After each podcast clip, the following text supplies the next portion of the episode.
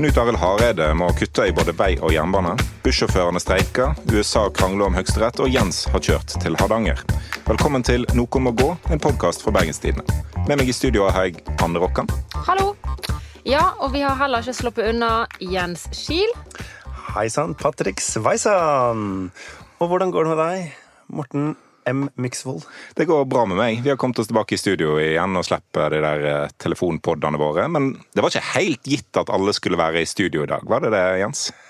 Eh, nei. Jeg har vært en tur i Hardanger, altså, og med bandet. Og da blei det jo eh, fuktig. Sånn at jeg kom hjem og var forkjøla. Og da må jo rett og slett i disse dager gå og teste seg. Eh, og det For korona. for korona. Og jeg har da testa negativt, som dere sikkert skjønner siden jeg er her. Og det føles altså som om jeg har fått liv i gave. Det var så godt å bare få det, det svaret. Men er Hvis du, har, hvis du har en dårlig dag, så gå på legevakten og test deg. Er det, det, du, er det rådet ditt, Jens? Ja, altså jeg, eh, til vanlig så har jeg pleid å bruke tannlegen som min psykolog, men nå vurderer jeg å gå over til den kommunale legevakta. men er det litt sånn gave til menn, dette? her? For vanligvis når du har manflu, så er det veldig små symptomer, ingen som tar deg på alvor, ingen som skjønner hvordan du har det. Nå står legevakten og tar imot deg. Det må være en fantastisk bekreftelse.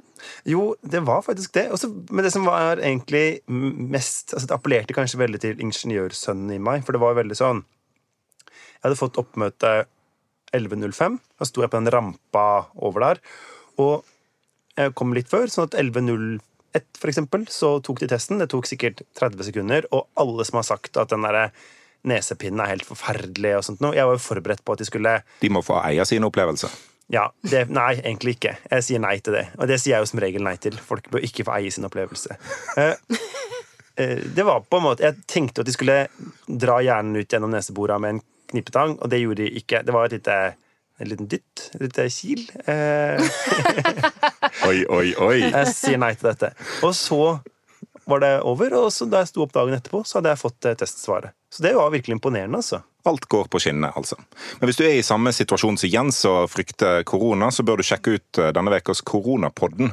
Eh, For der snakker Anne Magnus med en sykepleier om alt som skjer når en er innlagt på sykehuset med korona. Som er noen hakk lenger enn det Jens kom på det kjøret der.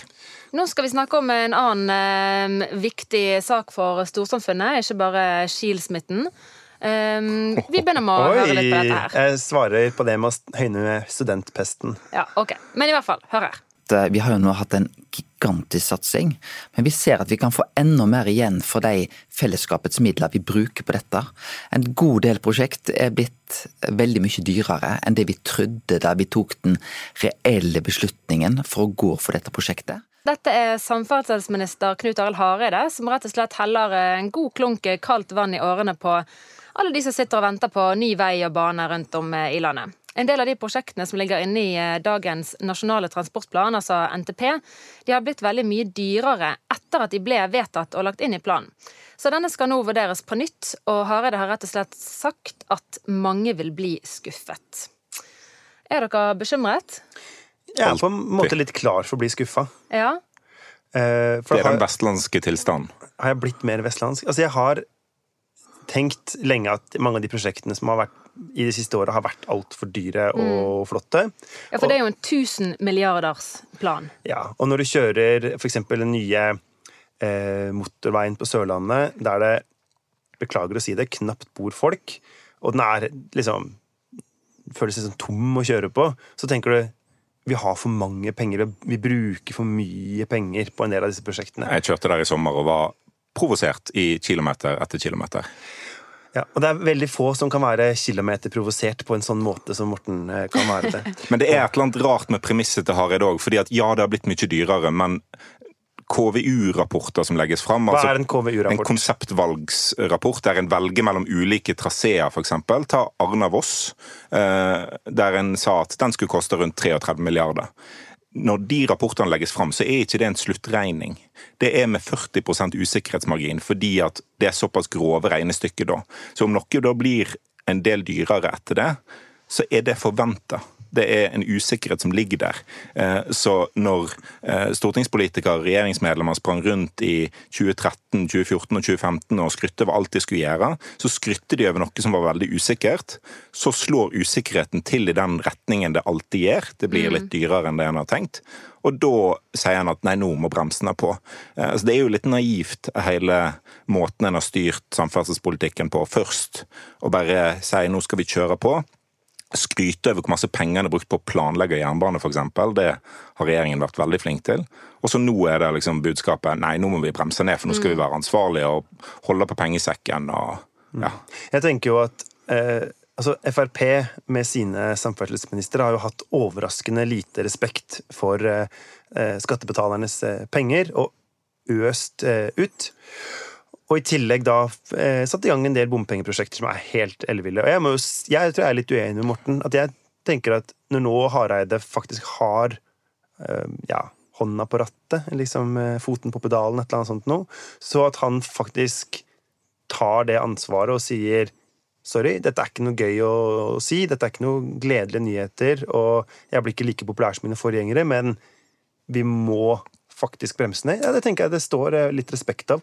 Og det som også er litt viktig å merke seg med tanke på hvor, eh, hvor vi er i landet, da, er jo at mye av det som han retter hardest kritikk mot, er jo nettopp en del av de prosjektene som har gått over alle støvleskaft eh, på Østlandet. Altså ganske korte jernbaneprosjekter som ikke har blitt 40% dyrere, men 300-400% dyrere. Og det gjør jo at det går utover prosjekt på Vestlandet. Altså De sprekkene der kan jo føre til at Hordfast og, og Arna-Voss E16 og Bergensbanen blir enten utsatt eller, eller nedskalert. Så det, det, går jo utover oss, sjøl om det ikke er her de enorme sprekkene har vært. da. Med mindre de rett og slett bare lar være å bygge dem. Ja, og det, det kan jo òg skje, men det vil jo være brudd på Hareides egne løfter. Han er, har jo ikke vært en eh, hvilken som helst person i, i norsk samferdselspolitikk. Altså, han var leder av, av, samferdselskomiteen, eller transport og kommunikasjon, eller hva han heter, eh, når forrige NTP ble, ble vedtatt. Eh, så han har jo på en måte hatt hånda på rattet hele tida, det er bare at nå har han svingt litt. Men jeg lurer litt på sånn, hva er den politiske motivasjonen bak dette? Hvorfor skjer det nå? Han, blir han noe særlig populær til dette her, eller tar han en for laget, eller har han lyst på denne ansvarlige rollen? Som en sånn eh, vestlendingens eh, sånn nå, nå, tar vi det ned litt. Jeg tenker jo at eh, det er veldig greit å være Hareide nå. Han er ferdig som eh, partileder. Det var jo et slags valg han tok. Eh, han er ferdig som stortingsrepresentant for eh, Hordaland neste høst. Sånn at han kan gjøre dette vel vitende om at hans personlige popularitet ikke ligger i eh, potten. Altså Snarere tvert imot. Hvis han f.eks. ønsker seg en jobb i privat næringsliv etter dette, så vil jeg tro veldig mange står og ser ok, det der er faktisk en fyr som har et mm. visst eh, magemål. Ja. Så, det er veldig befriende, da. Som rent personlig for han tenker jeg at det er veldig bra, og at han eh, Det at, det er, at vi har politikere som da kan si disse litt upopulære mm, Det er litt tingene. uvanlig edruelighet, eh, opplever i hvert fall jeg, fra samferdselssiden i hvert fall. Ja, altså denne uka så har vi jo på en måte fått for to viktige beskjeder. Det ene er Arbeiderpartiet går nå inn for å bygge Nord-Norge-banen mm. mellom Fauske og Tromsø. Det er et område jeg har hatt gleden av å kjøre noen ganger, og det, der er det god plass mellom husa, for å si det sånn. Eh, og det er spørsmålet, Hvis man f.eks. skal bruke 100-150 milliarder på samferdsel på den strekninga, eh, er faktisk jernbane det beste svaret? Eh, ja, mener eh, Arbeiderpartiet. Og nå mener vel Hareide tydeligere og tydeligere at det kan bare ikke skje. Og Der er jeg enig med han i. og Det, det var en Nettavisen-sak denne uka som, som virker veldig sånn skummel for jernbanesatsingen over hele landet. for der der, der virker det som konklusjonen var at eh, jernbanens tid er over, og en skal ikke bygge det ut mer. Eh, og så har Hareide i ettertid konkretisert det litt mer med at det er nok mer gjeldende liksom, nye strekninger som Nord-Norgebanen. Og med det dårlige jernbanenettet kvaliteten vi har på det i dag. Altså, eh, Store deler av jernbanen til Voss ville jo vært freda hvis den ikke hadde vært i bruk. Fordi det er så gammelt og så dårlig. Eh, så Da er det kanskje litt rart å bygge en helt ny strekning når en har så dårlig infrastruktur eh, på, på strekningen Bergen-Oslo. Mm. Så Der kan jeg være enig med han, men, men hvis det ender opp med å, å kutte ut veldig masse på jernbane der òg, fordi Hareide er minst like teknologioptimist som, eh, som en av sine forgjengere, Ketil Solvik-Olsen. Han snakker om selvkjørende biler og nullutslipps lastebiler. Altså 60% av godset til Bergen kom inn med tog. Hvis det skal erstattes av nullutslipps lastebiler, så står de i kø til Gol, nesten, altså. Mm. Så det er jo Eh, det er jo ikke helt tenkbart. Eh, de er selvkjørende i dag ved at en løfter lastebilene opp på jernbanen og på Alnabru i Oslo. Og så løftes de av eh, her i Bergen, og så kjører de ut på veien igjen. Så de er selvkjørende, og de er nullutslipp allerede.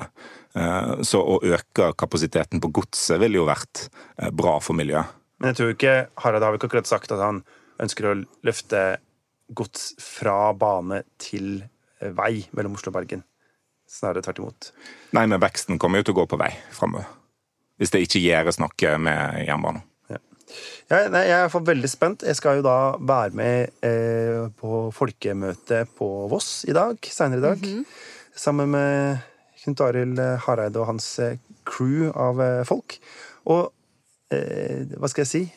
Jeg, jeg tenker jo det at, det at, han vil reise og møte sånne eh, type ganske sterke bygdeinteresser som eh, vei- og jernbanemiljøet på Voss, tyder jo også på at han jeg tenker at det betyr at han noe, kommer til å ha en del penger til dem framover òg. Ja, for de er redd for dette K5 eh, vei- og baneprosjektet ja. sitt? Eh, Eller vårt. Ja. Men ikke sant, igjen, da. Altså, de er jo ikke så ekstreme Altså, ikke alle der er først og fremst opptatt av at det må gå i 110-120 til Bergen. Altså, det, vikt, det viktigste er jo at det er trygt. Eh, og om eh, det går litt saktere, om man liksom ikke får til alt det mest sånn gigantomane med prosjektet, så kan det godt hende at det, det lar seg gjennomføre. Ja, 110 er sånn som Østlandet kan ha. Vi vil at steiner ikke skal falle i hodet vårt. Ja. Det er liksom terskelen jeg må legge seg på her i vest. Vi vil komme frem. Ja, jeg skulle jo ønske at det var finanspolitikere som satte bremser på like hardt som Hareide signaliserer at han gjør, og ikke at de gjør på samferdselssektoren, mm. men det er jo kanskje bare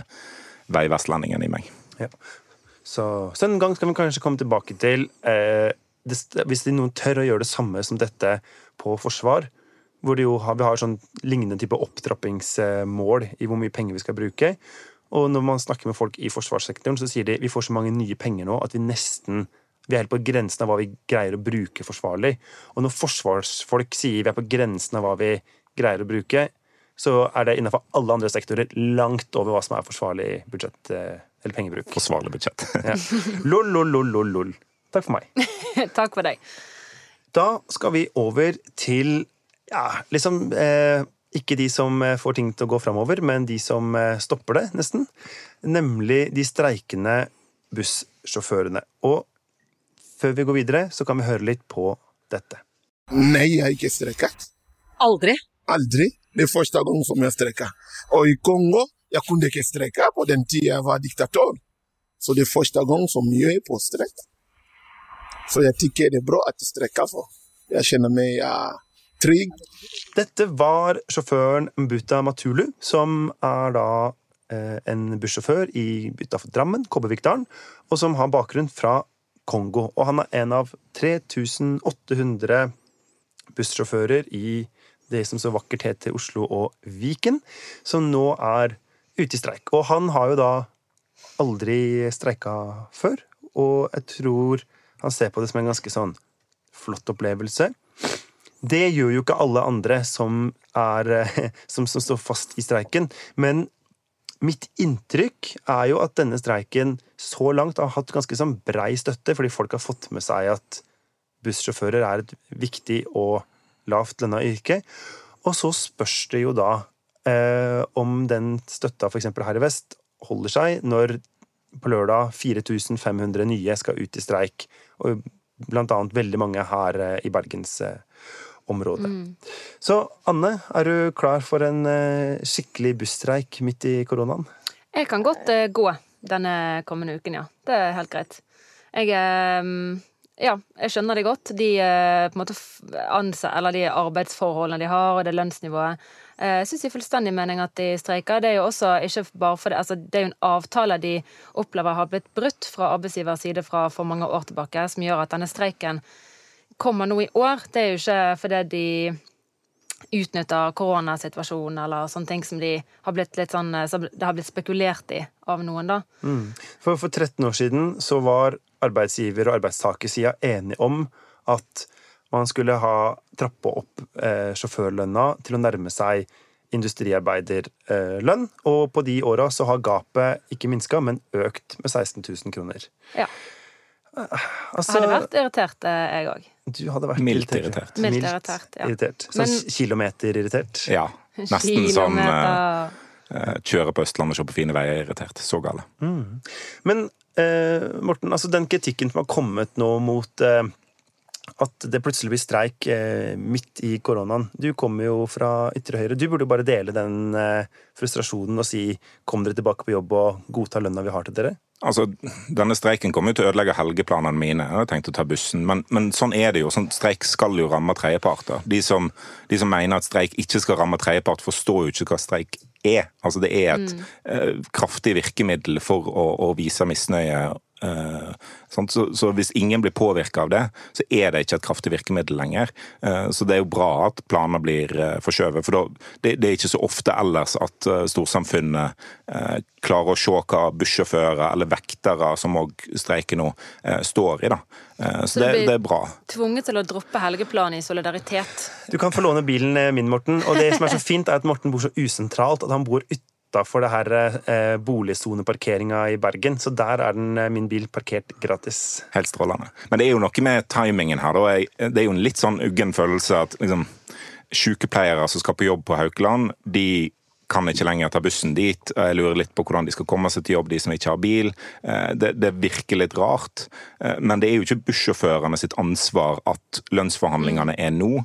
Det er ikke bussjåførene sitt ansvar alene at eh, det blir streik. Altså Begge parter kan strekke seg for å unngå streik. Ja, jeg synes Det det, er der er en veldig sånn merkelig ensidig anklage. Altså, nå må bussjåførene gi seg. Ser de ikke hva de forårsaker? Men du kan jo like greit rette det skytset mot NHO, som er deres forhandlingsmotpart. At kanskje de strekker seg litt lenger, da? For, For å få slutt på den samme streiken. Jeg skjønner ikke hvorfor dette ansvaret skal bæres av de lav, lavtlønnede. Og jeg tenker at hvis, hvis en mener at bussjåførene ikke har grunn til å streike nå, ta deg fire timers pause på jobb, sitt på jobb, vent der. Ikke ta betalt for det, og så fortsetter du å jobbe i noen timer til. Det er hverdagen for ganske mange bussjåfører, i hvert fall utenfor bykjerner og sånn, eh, som må vente lenge på den neste skoleruta eller er Ikke bare utenfor by, altså det er for alle. Det er eh, fordi i byene så har du jo rushtrafikken. Ja. Så nei, altså det hemmelige trikset i forhandlinger er jo å bare legge mye mer penger på bordet. Eh, da vil jo ting løse seg. Og, og det har jo ikke minst blitt ganske sånn tydelig markert ved at det ble lagt fram tall denne uka for hva sjefen i disse forskjellige, og det får vi si offentlig eide busselskapene tjener, og det er to og tre millioner. Så eh, Morten, for tre millioner i året, kunne du ha giddet å bli eh, sjef i noe som het eh, Vybuss? Nei, det tror jeg ikke, altså. Eh, Det navnet, det skjemmes jeg av. Og, og det er ikke helt min interesse heller å drive et sånt selskap. Og så er det jo noe helt vilt med at en skal tjene dobbelt så masse som statsministeren for å lede folk som kjører busser for det offentlige sine penger. Altså det, det er helt absurd, det lønnsgapet der. Hva med deg? Tar du det omdømmetapet det er å få eh, Vy-logo tatovert i panna for all framtid? Eh, det, akkurat det scenarioet vet jeg ikke med, men um, altså hvis jeg hadde følt meg kvalifisert til å lede Vy, og, og liksom opplevd at det var uh, ja, den jobb jeg kan tenke meg å gjøre, så hadde jeg gjort det meget bestemt for relativt mye mindre enn tre. Eh, tenker den kompensasjonen for å få gjøre en jobb du liker, eh, der du utgjør en forskjell, der du på en måte får anerkjennelse, du får en god del innvirkning på byen din du får, altså det, det Lønn er mye mer enn penger, da, som jeg er veldig opptatt av. Så eh, ja, definitivt. For det som er så rart, tenker jeg, er at eh, når vi sier til en bussjåfør at for 450 000 i året, eksempel, for lange, tunge vakter som er eh, Det sliter på helsa, det sliter på psyken, det er, eh, kan være en tøff jobb. Og de utsetter seg for fare. Altså En Ja, ting er liksom alt. nattbusser og sånt, men nå i koronapandemien Ja, hele pakka. kanskje hjemmekontor. De kjører E16, de gjør alt dette her. Og eh, da skal vi si, Men du gjør en så viktig jobb for samfunnet. Du bidrar i det grønne skiftet. Du eh, får folk eh, fram. Det er så viktig at det må være også en viktig del av anerkjennelsen. Mens for sjefene deres, så må vi si, for at noen skal være, liksom, gidde å gjøre den jobben, da må du ha 2,5 mill. i året. Vi kan klappe litt for sjefene, så kan bussjåførene få litt bedre betalt. Ja. Ja.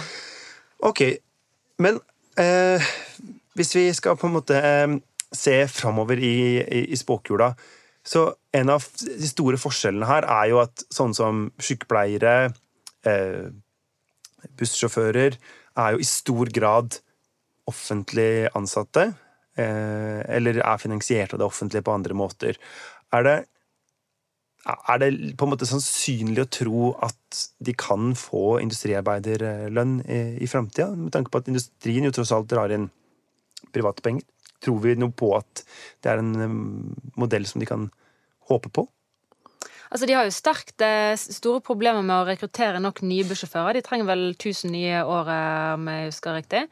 Eh, og det er jo eh, Altså, lønn er jo et vanlig eh, trekkplaster til yrker, så om de eh, Ja, de, de må jo gjøre noe for å på en måte klare å holde sin egen drift ved like. Og da er jo det ikke Kanskje ikke så dumt å etterkomme helt OK lønnskrav. Jeg tror ikke det er helt realistisk, egentlig, fordi at hvis mange grupper som i dag ligger unna det som er liksom gjennomsnittlig industriarbeiderlønn, kommer seg opp mot det nivået, så vil jo industrien og de som jobber der, eh, protestere på det eh, og, og krever økt lønn. Så, så jeg ser ikke helt at det skal være realistisk, men, men det gapet bør jo ikke øke eh, på jobber som er så eh, nødvendige og essensielle som en har sett egentlig både med sykepleiere og bussjåfører i denne pandemien.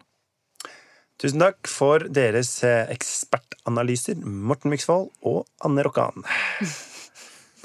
Og vi skal rett og slett i gang med en ny, jeg vil si temporær, fast spalte her i eh, Noen må gå.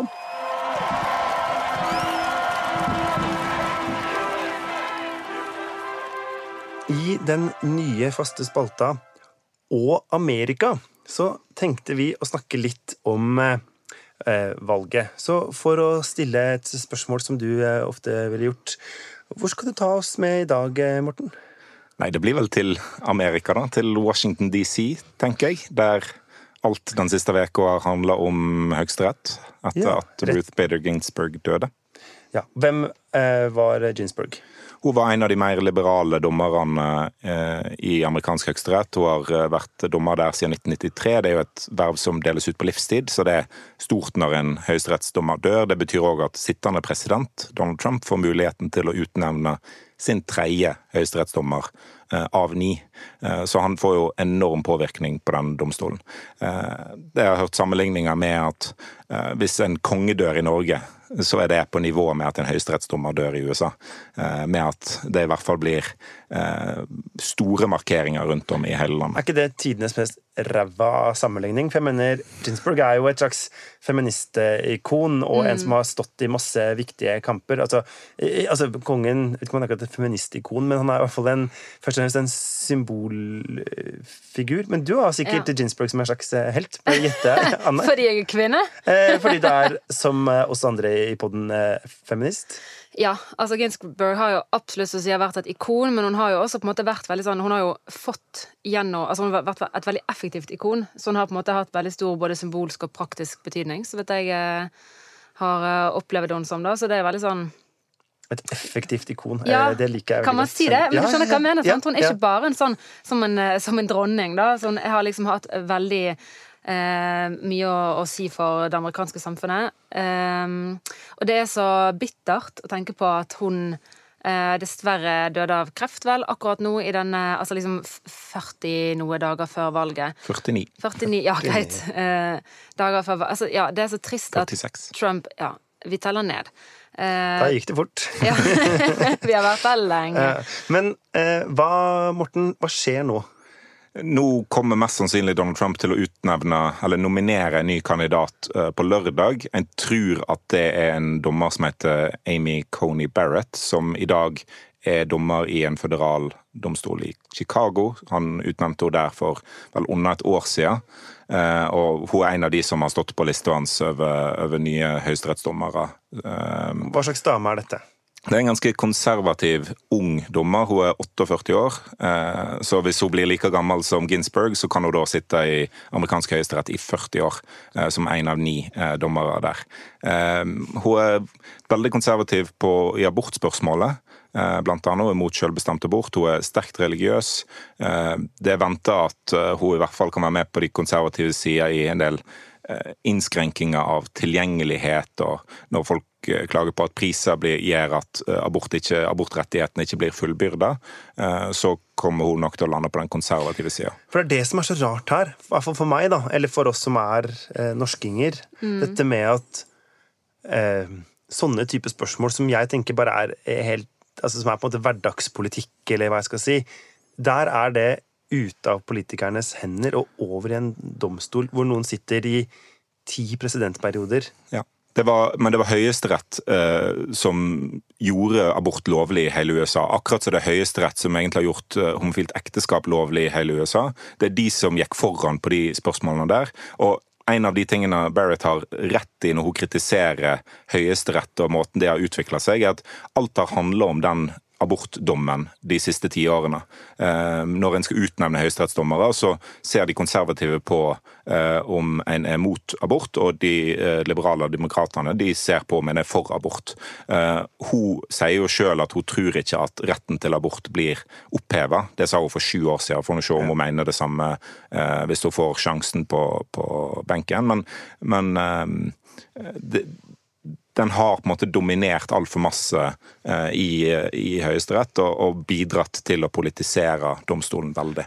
Når jeg først nå har en uh, unnskyld uttrykket, USA-ekspert uh, jeg kan stille et spørsmål til, så er det et av, de, et av de spørsmålene som nå har blitt stilt, har jo vært om det har vært viktig for Trump å få en fulltallig høyesterett fordi at det kan hende at uh, selve presidentvalget eller valgresultatet havner der til slutt.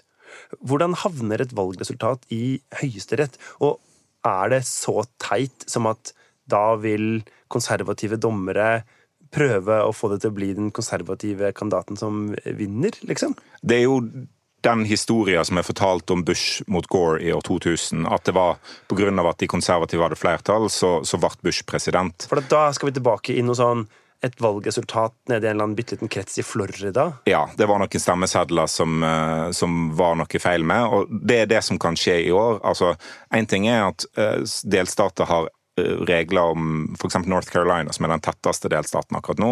Der er regelen at hvis det er 0,5 prosentpoeng margin mellom kandidatene, så er det automatisk opptelling. Og De opptellingene det betyr at tusenvis av jurister fra hele USA flyr inn til den delstaten for å følge det, for å, øh, å saksøke på begge sider, for å, å vinne fram definisjoner og alt mulig. Det er sånn som fort havner i Høyesterett. Og i år så er det litt unikt òg fordi det er så mange poststemmer pga. Eh, koronapandemien. At eh, det er stemmer som kan komme inn ei uke etter valget, eller bli talt ei uke etter valget. Trump har sagt han vil ha et valgresultat valgnatta. Kommer det et valgresultat den natta, så er det trolig at Trump blir president. Eh, fordi at eh, en del av de stemmene som vil komme inn seinere, kommer fra store demokratiske stater. Altså, Gå og flagge på balkongen for det demokratiet er, altså. Eh, hva, hva, burde jeg være mest bekymra for akkurat nå, når det gjelder hele dette høyesterettsgreiene? Hva er liksom det kjipeste som kommer til å skje? Nei, jeg tror Altså, abort er jo et av de spørsmålene som, som blir eh, stor spenning knyttet til hvis de konservative får seks av tre i, i Høyesterett. Seks av tre? Eh, nei, seks av ni.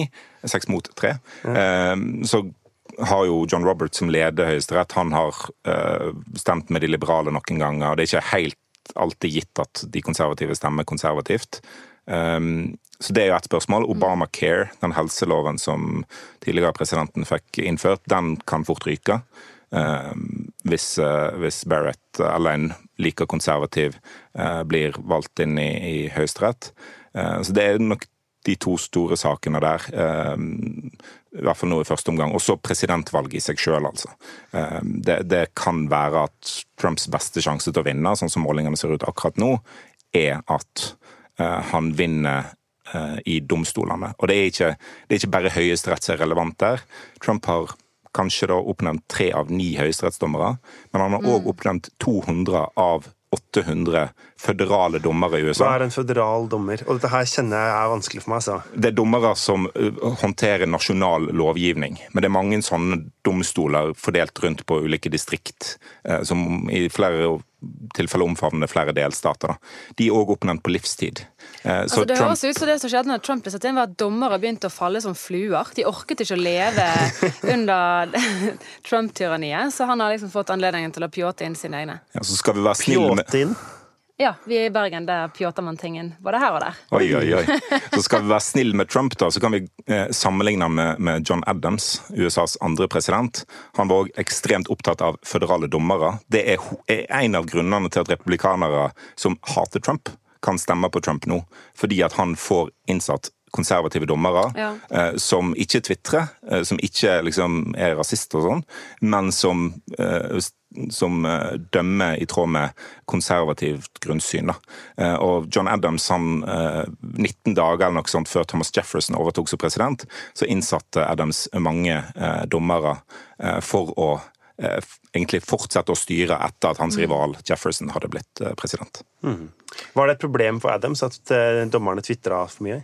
Ja, det var nok et veldig stort problem da. Uh, absolutt. Ok, og helt til slutt. Hvem vinner, sånn som det ser ut akkurat nå? Sånn som det ser ut akkurat nå, så tror jeg Biden vinner. Men dette valget handler dessverre ikke bare om stemmene. Det kan fort handle om en domstol, og da har Trump en fordel. Sleep Joe. Vi skal videre til den faktisk faste spalten vår, og Vestland. Hvor har du tenkt å ta oss i dag, Jens? Hvor har du tenkt å ta oss i dag, Jens? Å, eh, Jens, si det, Jens. Eh, til Amerika, faktisk. Nei, faktisk skal ikke det. Skal du til Mortens Amerika? Eh, Mortens Amerika skal jeg. Aka... Radøy. Jesus. Det er så trist, det. Det er litt sant, da. Ja, det er. Altså Vill Vest og et ikke, lite organisert samfunn. Ja, og det er på en måte et sted du påstår du er fra, det òg. Nei. Herregud. Sånn som Morten har lyst til å forlate du. Hvor skal du ta oss i dag, Jens? Eh, inn på sporet igjen, eh, takk. Du, jeg tenkte at, eh, at jeg skulle ta oss til Hardanger. Fordi der var jeg i helga. Og hadde, hadde bandsamlinga spontanshoppa ti kilo poteter. hvis det er noen, som, noen lyttere som trenger. Så sitter jeg rett og slett med litt mye potet hjemme. Hvis det er lov å si? Ja, det er lov. Er ikke det lov å si? Hæ, er det nasty, liksom? Nei, det er ikke det i det hele tatt. Prøvde du bare å finne på en grisevits nå? Ja. Basert på potet? Bare for å ta igjen på Den minst vel... brukbare kinky-grønnsaken som fins! Den minst brukbare. Har du rangert de? Altså, Potet sånn... kommer rett under ingefær. Nei, jeg, uh, OK, jeg gir meg med en gang, da, men jeg tror ingefær kan brukes til flere ting enn potet. Oi. Jeg vil nominere ananas. Au. All right, kanskje på Radøy. Hardanger, Jens. Hva skjedde der? Eh, ananasfri sone. Der rett og slett eh, skrev jeg et lite dikt. Ja. ja. Og så tenkte jeg at jeg kunne dele det eh, med dere to. Ja.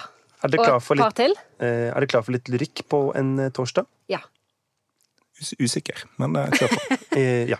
Det er her vi burde hatt noe litt sånn jålete bakgrunnsmusikk. Noe sånn som noen har brukt 2,7 millioner på å kjøpe inn til Festspillene, og som er helt umulig å nynne med på. Men det har vi ikke. Vi har bare meg. Godt nok, det. Ja, det vil jo da vise seg. Det er den straumen vi bærer på. Om natta går høgspentmastene lause langs fjorden. Lensmannen kjører eine monstermasta for å fange deg. Hardangerbrua kviskrar ukvemsord til Fyksesundbrua. Det der var ikke mykje til spenn, du. Men Fyksesundbrua ligger der med hvilepuls. Hun blei åpna av kronprins Olav. Da de skulle åpne Hardangerbrua, sendte de en eller annen samferdsleminister. Det er det traumet vi bærer på. Langs riksvegen står en pjokk og terper. Øvre Børve, Øvre Børve, Øvre Børve. Han veit ikke kvifor, men det kjennes viktig.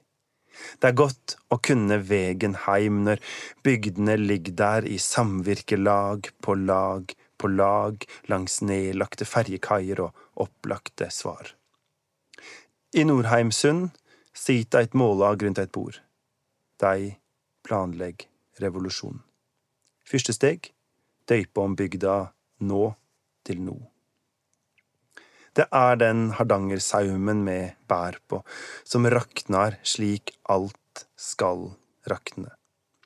Tåkagjelet skal ha evig nattestengt, og ferja fra Tørvikbygd skal alltid gå to minutter før tida.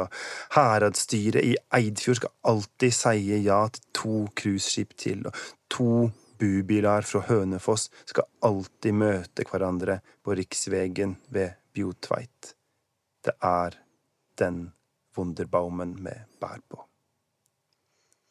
Takk. Nydelig. Sånn. Altså, for en lyrikkstemme. Det er Gritten hennes mor. Såpass. Jeg vet ikke om det er noe mer å si der. Jeg lurer på om jeg skal bare spørre Er det noen som må gå denne uka. Ja, alle de overbetalte bussdirektørene. Mm. De skal, altså For dem burde det være evig eh, transportstreik. Ja, gi de en sykkel.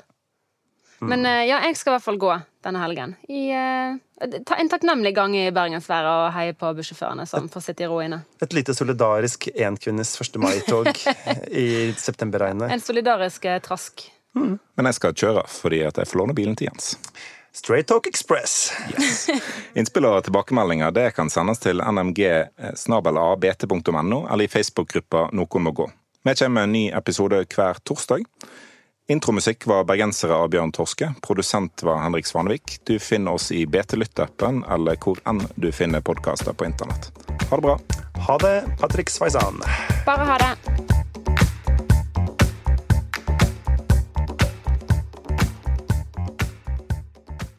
Bare ha det.